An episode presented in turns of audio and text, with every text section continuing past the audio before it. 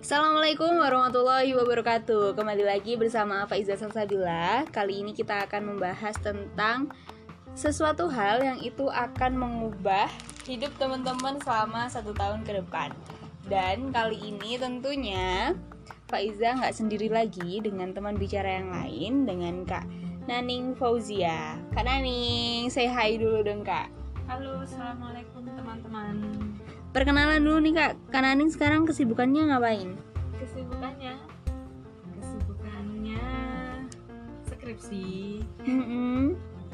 main-main ke mana-mana, berkunjung-berkunjung, ngobrol sama Salsa. Oh iya. Oke. Nah, itu ya kesibukannya saat ini. Nah, semoga skripsinya lancar. Eh, Kak Naning, ini kan habis ini kita akan menuju tahun baru, tahun 2020. Ya, meskipun sebenarnya kaum muslimin punya tahun baru Islam sendiri, tapi terkadang orang-orang tuh patokannya ya ini tahun baru Masehi gitu. Untuk memulai sesuatu yang baru. Biasanya kan eh, tahun baru semuanya baru. Kalau anak sekolah tuh dia beli sepatu baru, seragam baru. Kalau seragamnya adikku tuh udah udah kekecilan dia sampai akhirnya kayaknya ini bakal beli baru lagi sehingga semua tuh berbau baru kalau misalnya tahun baru. Nah, ngomong-ngomong soal 2020 ini kan tahun yang bagus gitu angkanya. Jadi kadang tuh Bagus buat apa ini? bagus 20 20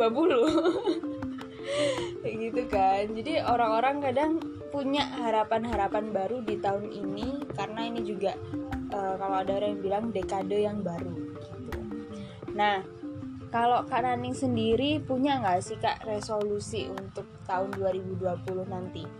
Punya, alhamdulillah sudah membuat. Punya, punya, alhamdulillah sudah buat. Oke, nah kalau menurut Kak Naning sebenarnya resolusi itu apa Kak? resolusi resolusi itu kan re dan solusi re itu berarti Mm. kan baru solusi ya solusi kan sesuatu yang Iya tahu Kak. memberikan jalan keluar gitu kan Ya, oke. seharusnya ya eh, sesuatu yang baru gitu memberikan solusi yang baru untuk hidup ke depan kalau kita ngomonginnya resolusi tahunan ya Hmm, Oke. Berarti harusnya itu dia mensolusikan atau dia memperbarui solusi yang lama menjadi solusi yang baru. Eh, tapi biasanya gini kak, jadi kadang itu misalkan kan tahun 2020 itu tahun depan. Nah itu adalah resolusi yang kemarin saat 2019 belum tercapai yang padahal 2019 itu baru diresolusikan dan du- 2018 itu direncanakan. Jadi akhirnya si resolusi ini tuh nggak nggak goal-goal gitu, nggak tercapai tercapai. Nah harusnya kayak gimana sih tahapan untuk membuat resolusi itu biar nggak kayak gitu? Em, mungkin anu ya banyak yang salah gitu ya banyak yang salah me- memandang si resolusi sendiri atau berpikir tentang resolusi. Kadangkala memang orang-orang itu eh, yang sering ya yang sering ditemui itu resolusi itu disamakan dengan target tahunan gitu. Padahal kan setiap tahun eh, itu setiap waktu kita punya target masing-masing gitu kan.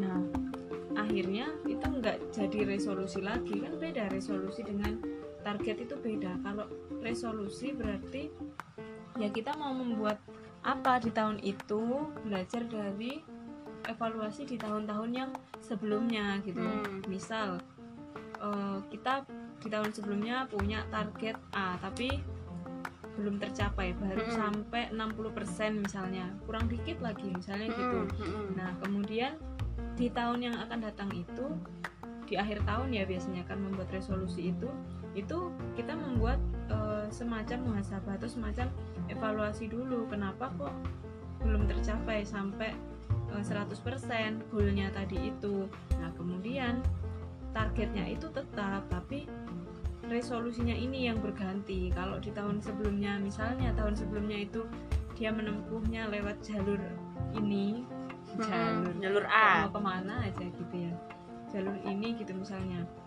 Nah tapi kalau eh, nanti nanti tahun depannya hasil dari muhasabah hasil dari evaluasi itu harusnya gak lagi menggunakan jalur A itu Mm-mm. kalau masih menggunakan jalur yang A tadi itu berarti kan itu gak beranjak sebetulnya gitu. Mm-mm. tidak eh, tidak menghasilkan resolusi gitu itu pertama ya mendudukkan tentang eh, sebenarnya resolusi itu apa dan bagaimana tadi ya karena memang kalau kebanyakan orang sekarang itu kayak resolusi itu ya target baru nah Mm-mm. akhirnya kayak kebanyakan target-target tahun sebelumnya belum tercapai bikin lagi tahun ini bikin lagi tahun Mm-mm. depannya kayak gitu ya akhirnya sebenarnya maunya maunya dalam hidup itu apa itu jadi ini juga ya berantakan juga bisa jadi kayak gitu nah memang menentukan resolusi itu eh, pertama berawal dari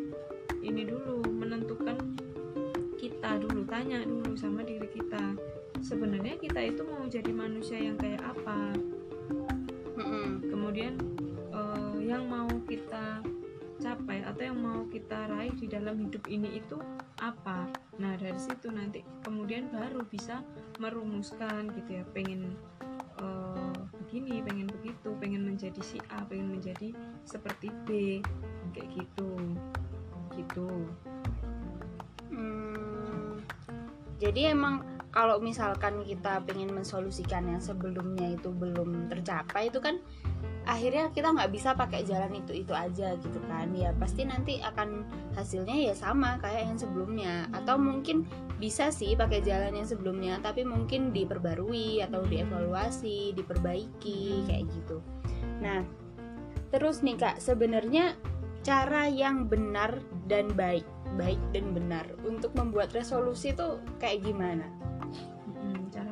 Resolusi pertama itu harus punya cita-cita dulu harus punya tujuan hidup dulu tujuan hidupnya tuh apa pengen menjadi manusia yang eh, seperti apa dulu gitu kan misalnya eh, sekedar pengen sukses Mm-mm. sukses itu yang gimana gitu kan Orang- Abstrak ya masih. iya karena kan definisi sukses Iya benar. menurut masing-masing orang beda orang beda kan Mm-mm. menafsirkan eh, apa namanya definisi sukses itu Mm-mm. tadi gitu nah kalau kita sebagai seorang muslim sebetulnya sudah di ini ya sudah dikasih sama Allah gitu ya tujuan hidup kita itu beribadah kepada Allah nah itu Mm. dulu yang pertama yang penting itu tahu tujuan hidupnya dulu sehingga dia akan tahu mana yang akan dia tempuh ibaratnya jalur mana yang akan dia tempuh dan jalur mana yang akan nggak dia tempuh atau nggak akan dia ambil kayak Mm-mm. gitu. Nah kemudian menentukan dia mau menjadi manusia yang seperti apa dulu gitu. Misal dia mau kalau dikatakan pengen bermanfaat gitu ya. Ya semua orang pengen bermanfaat bagi orang lain gitu kan. Tapi bermanfaatnya bermanfaat yang gimana dulu gitu kan. Nah, itu juga harus jelas gitu ya. Kemudian membuat eh, apa namanya targetan-targetan gitu ya. Kalau membuat targetan-targetan dalam hidup itu pastinya kan punya mimpi besar dulu. Ya Mm-mm. kan? Mimpi besarnya itu apa mau menuju ke mana gitu ya. Kemudian dia punya target-target kecil lah ibaratnya. Step Untuk by step, menuju target ha, besar itu ya. menuju mimpi besarnya itu Hmm. kayak gitu. Nah di dalam eh, perjalanan perjalanannya itu juga dia harus memahami apa ya kaidah beraktivitas yang benar atau Hmm. hukum sebab akibat lah ibaratnya Mm-mm. gitu. Jadi kan tidak mungkin orang itu di mana pun lah Mm-mm. atau siapa pun lah dia eh, akan sukses dengan hanya dia leha-leha atau dengan hanya dia rebahan aja misalnya ya kan? Katanya generasi rebahan gitu ya zaman sekarang itu. Itu tidak mungkin. Jadi dia harus memahami bahwa ada berarti perjuangan-perjuangan atau step by step yang harus dia tempuh. Misalnya ketika dia mau bermanfaat untuk eh, orang banyak sebagai pengajar misalnya berarti kan lebih dulu dia harus belajar dulu kayak gitu kan. Mm-mm. dia harus tahu ilmunya dulu sama juga ketika uh, apa namanya sudah menetapkan target itu di dalam mencapai targetnya itu harus memahami mana yang boleh dan mana yang tidak boleh gitu. Tidak kemudian menghalalkan segala cara kayak gitu harus paham kaidahnya lah ibaratnya begitu gitu. jadi tetap harus standarnya itu kembali ke hukum syarak gitu ya kita harus melihat lagi meskipun tadi itu kita udah bikin visi misi lah istilahnya hmm. tapi tetap untuk mencapai visi dan misi itu ya harus karena kita sebagai seorang muslim harus melihat lagi apakah itu dibenarkan oleh syariat atau enggak. Hmm. nah terus nih kak misalkan setelah kita menetapkan visi terus juga misi dan juga bagaimana sih hal-hal yang perlu kita lakukan sesuai dengan kaidah kausalitas. Nah setelah itu ngapain kak? Setelah itu ngapain? Ini poin pentingnya. Kayaknya uh, memang ini ya setelah meneliti setelah meneliti cila menurut uh, beberapa penelitian itu mm -hmm. memang orang yang um, senang atau suka gitu ya menetapkan menetapkan mimpi-mimpi besarnya kayak gitu ya. Senantiasa melihat target-targetnya itu dia akan punya energi lebih ke dalam dirinya punya apa ya di uh, semacam tersuntiki semangat yang lebih lah ibaratnya daripada orang yang ya hidupnya sekedar mengalir mengalir aja kayak gitu. Karena ibaratnya orang kalau jalan dia punya tujuan dia tahu dia bersemangat untuk segera mencapai tujuannya. Dia tahu jalan yang harus dia tempuh itu akan melewati sungai akan melewati rawa misalnya atau akan melewati gunung pantai dan sebagainya gitu kan. Dibanding orang yang nggak punya tujuan hidup tadi nah tapi kadangkala semangat memang menetapkan mimpi besar gitu ya. semangat menetapkan target-target wah iya aku akan begini tahun ini aku akan begini. Kayaknya keren kalau aku begini kayaknya keren aku akan begini. Nah tapi yang sering kali memang banyak dilupakan orang itu adalah uh, tidak mau menikmati prosesnya. Mm-hmm. itu poin yang paling penting. Padahal menuju suksesnya itu katakanlah uh, apa nih yang targetan yang paling enteng yang paling kecil aja misalnya. Itu pasti ada prosesnya gitu kan. Apalagi menuju ke mimpi besar tuh ya atau targetan yang besar gitu. Pasti prosesnya lebih jatuh bangun lagi lebih jungkir balik lagi gitu ya. Nah di situlah butuh komitmen kita itu bagaimana tetap apa ya, keep on the track. Bahasanya kayak gitu ya keep on the track e, menjaga mimpi besarnya itu kayak gitu. Jangan kemudian e, ini ya di tengah jalan misalnya terlena dengan wah ada hiburan ini noleh dulu terus mampir dulu. Gak kelar-kelar nggak nyampe-nyampe tujuan gitu ya kalau orang orang jalan itu. Karena gak fokus tadi iya kemudian gak komitmen komitmen itu kan dalam arti apa pun wes. Uh, entah itu sulit entah itu mudah entah itu terjal dan lain sebagainya ya dia tetap uh, penuh ya tetap utuh tetap utuh ya. Tetap utuh semangatnya untuk mewujudkan targetnya itu. Tetap uh, apa namanya menjaga gitu ya uh, keinginannya. Mau wes pokoknya konsisten apa pun lah uh, resikonya.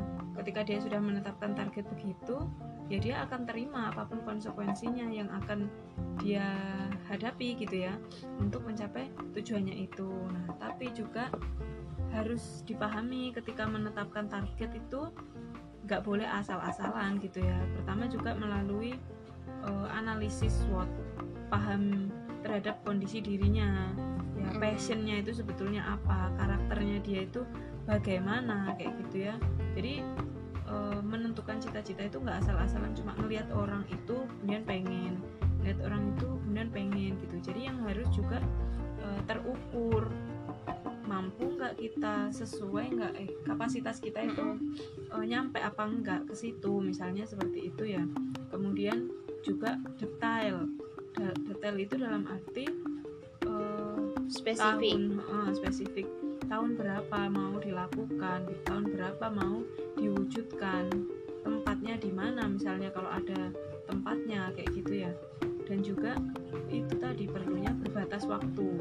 Karena kalau nggak ada batas waktunya ya misalnya sampai kita nenek-nenek pun bisa jadi masih berlaku kan. Tapi apakah cita-cita atau target kita itu masih relevan ya cita-cita atau targetan yang kita buat di zaman kita sekarang masih muda Mm-mm. sampai nanti kita sudah nenek-nenek apakah itu masih relevan gitu ya? Kalau nggak berbatas waktu itu kan nanti akhirnya juga ya menjadikan ala ya wis lah gitu. Maksudnya ya wis lah itu nggak greget gitu di dalam eh, mewujudkan target-targetnya itu gitu ya. Pertama juga harus tahu potensi diri tahu kapasitas diri tahu diri lah ibaratnya. Kapasitasnya itu semana gitu ya. Tapi juga jangan ini ya eh, low effort juga ya maksudnya Mm. low effort itu adalah sebenarnya kemampuannya itu banyak potensinya itu banyak tapi ayo lah aku gini aja gitu Mm-mm. gitu loh tanpa mau upgrade diri nah itu yang penting mumpung masih muda lah gitu Ya, jadi intinya kalau kita menetapkan suatu goal, itu kalau di pelajaran itu tuh ada namanya itu konsep SMART. Jadi itu adalah singkatan dari specific, measurable, attainable, relevant dan juga time bound. Jadi di mana ketika kita itu menetapkan tujuan tentunya harus spesifik. Misalkan kayak tadi sukses. Nah sukses itu kan masih luas banget gitu. Sedangkan standar sukses orang itu banyak banget. Jadi didetaili sukses yang seperti apa kayak gitu terus measurable jadi kayak bagaimana dia itu bisa diukur gitu. Misalkan eh, pengennya itu seberapa banyak sih hafal Al-Quran itu berapa juz kayak gitu. Akhirnya kan dapat diukur. Nah terus attainable. Jadi ya akhirnya dia bisa untuk kita capai dengan kapasitas kita gitu. Misalkan eh, tadi kan ada analisis SWOT ya kayak di mana yaitu untuk menganalisis strengthnya kita itu apa jadi kekuatan kita itu apa terus weaknessnya kita apa kelemahan kita terus opportunis opportunitiesnya itu apa jadi peluang kita itu eh, di mana sih gitu. Nah terus threatnessnya seperti apa di mana ancaman yang eh, kadang akhirnya membuat kita down atau kadang membuat kita jatuh. Nah itu akhirnya kita analisis di situ. Jadi lebih mengenali, mengenali diri kita sendiri.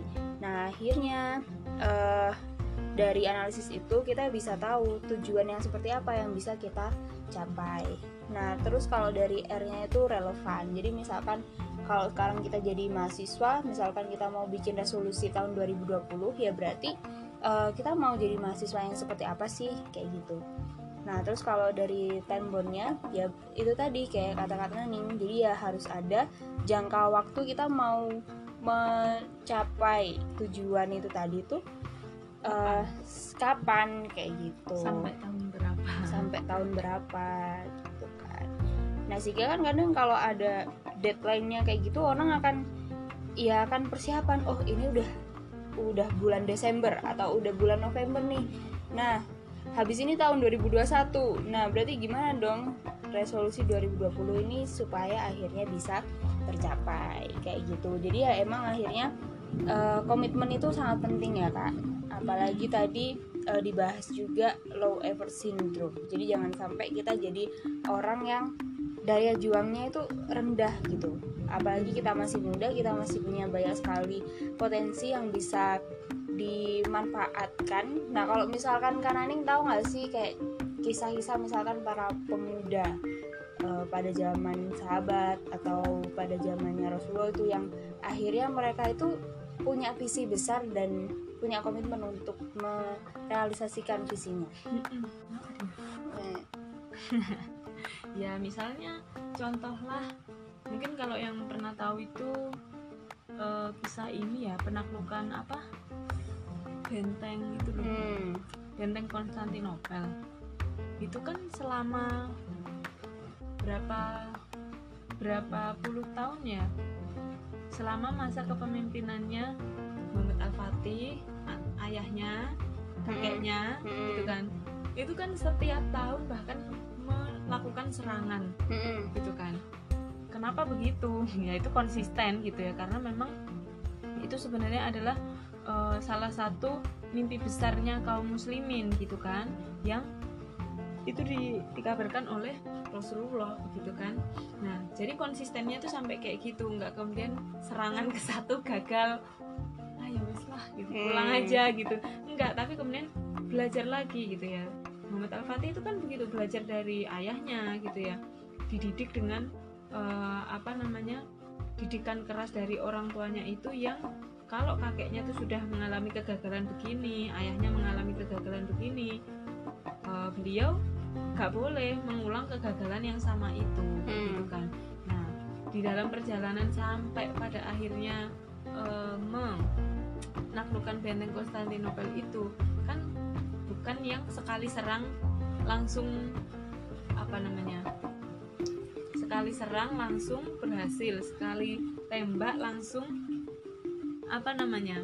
Sekali tembak langsung berhasil gitu kan? Enggak tapi itu berkali-kali berpuluh-puluh kali serangan gitu kan? Tapi ya karena kekuatan mimpi besarnya itu tadi Mm-mm. bukan yang khayal gitu ya. Maksudnya bukan sekedar mimpi besar yang khayal gitu enggak. Tapi memang sisi eh, kalau kita mau jadi orang yang bermanfaat untuk orang lain itu bermanfaatnya tuh yang kayak gimana dispesifikan nah Muhammad Al Fatih itu kan sudah diajarkan dari kecil gitu ya. Beliau dididik eh, untuk menjadi sultan kayak gitu ya. Jadi pemimpin perang. Jadi ya memang dibekali di dalam dirinya tuh apa-apa yang dibutuhkan untuk menjadi seorang sultan apa-apa yang dibutuhkan untuk menjadi seorang eh, apa namanya pemimpin perang sampai orang yang layak menaklukkan eh, benteng itu butuhnya tuh apa aja itu ya Mm-mm. semua itu diadakan kepada dirinya Mm-mm. ya yang mengadakan kan memang mulanya dari orang tuanya ya tapi kemudian Mm-mm. dengan kesadaran gitu ya sampai akhirnya beliau dewasa ya beliau me- apa namanya upgrade dirinya juga menuju kepada Mm-mm. itu sehingga eh, dengan apa namanya pemahaman bahwa cita-cita besarnya dia itu bukan bukan sekedar apa ya ya ambisi pribadi bukan sekedar yang mungkin kan kalau orang sekarang tuh aku mau bikin ini aku mau bikin itu supaya apa pembuktian diri Mm-mm. Eh, apa ya eksistensi ah, eksistensi diri supaya diakui orang aku bisa kok kayak gitu aku mampu kok Mm-mm. kayak gitu ini loh aku ya bukan Mm-mm. sisi menunjukkan dirinya tapi memang itu bermanfaat buat orang banyak gitu akan memberikan kebermanfaatan lebih gitu untuk orang banyak sehingga dia berani ibaratnya mengorbankan apa pun lah ya yang dia punya. Bahkan dirinya harus menjadi seperti apa. Ya males banget. Misalnya itu bukan aku banget gitu ya. Mm. tapi harus mengupgrade diri ke arah sana misalnya. Itu tetap dia lakukan karena Mm. tadi konsistensinya dia komitmennya dia untuk mewujudkan mimpi besarnya itu tadi kayak gitu.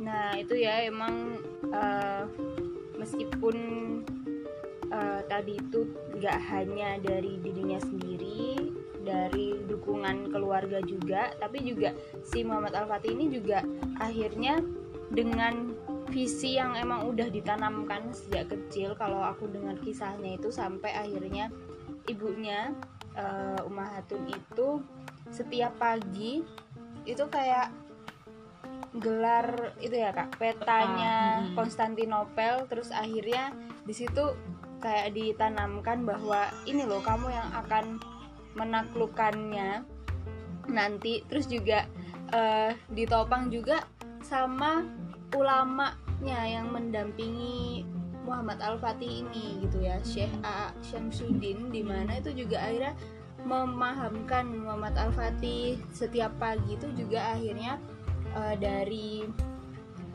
istana Muhammad Al Fatih ini dilihatkan gitu arah Konstantinopel sama eh, ayahnya terus kemudian ditancapkanlah visi besar itu. Nah, selain itu juga Muhammad Al Fatih ini melakukan kaidah kausalitas yang tadi yang akhirnya gimana caranya eh, mencapai target itu dengan menjalankan roadmap kehidupannya itu. Nah, kalau dari Kanani sendiri ada nggak sih kak closing statement nih? closing statement hmm. membahas resolusi ya untuk eh, apa namanya generasi muda ya Mm-mm. termasuk juga kita ya karena kita juga masih muda kita masih muda juga nah pertama itu memang eh, milikilah eh, tujuan hidup yang jelas gitu ya kalau belum punya cari gitu ya. Ketika sudah memiliki tujuan hidup yang jelas maka kemudian harus punya peta perjalanan hidup kita mau kita isi dengan apa dan dengan bagaimana kayak gitu ya. Dan eh, itu dibarengi dengan kita serius dan komitmen belajar ilmu Islam. Karena ya kalau misalnya kita itu nggak paham ilmu Islam gitu ya kita nggak punya ilmu Islam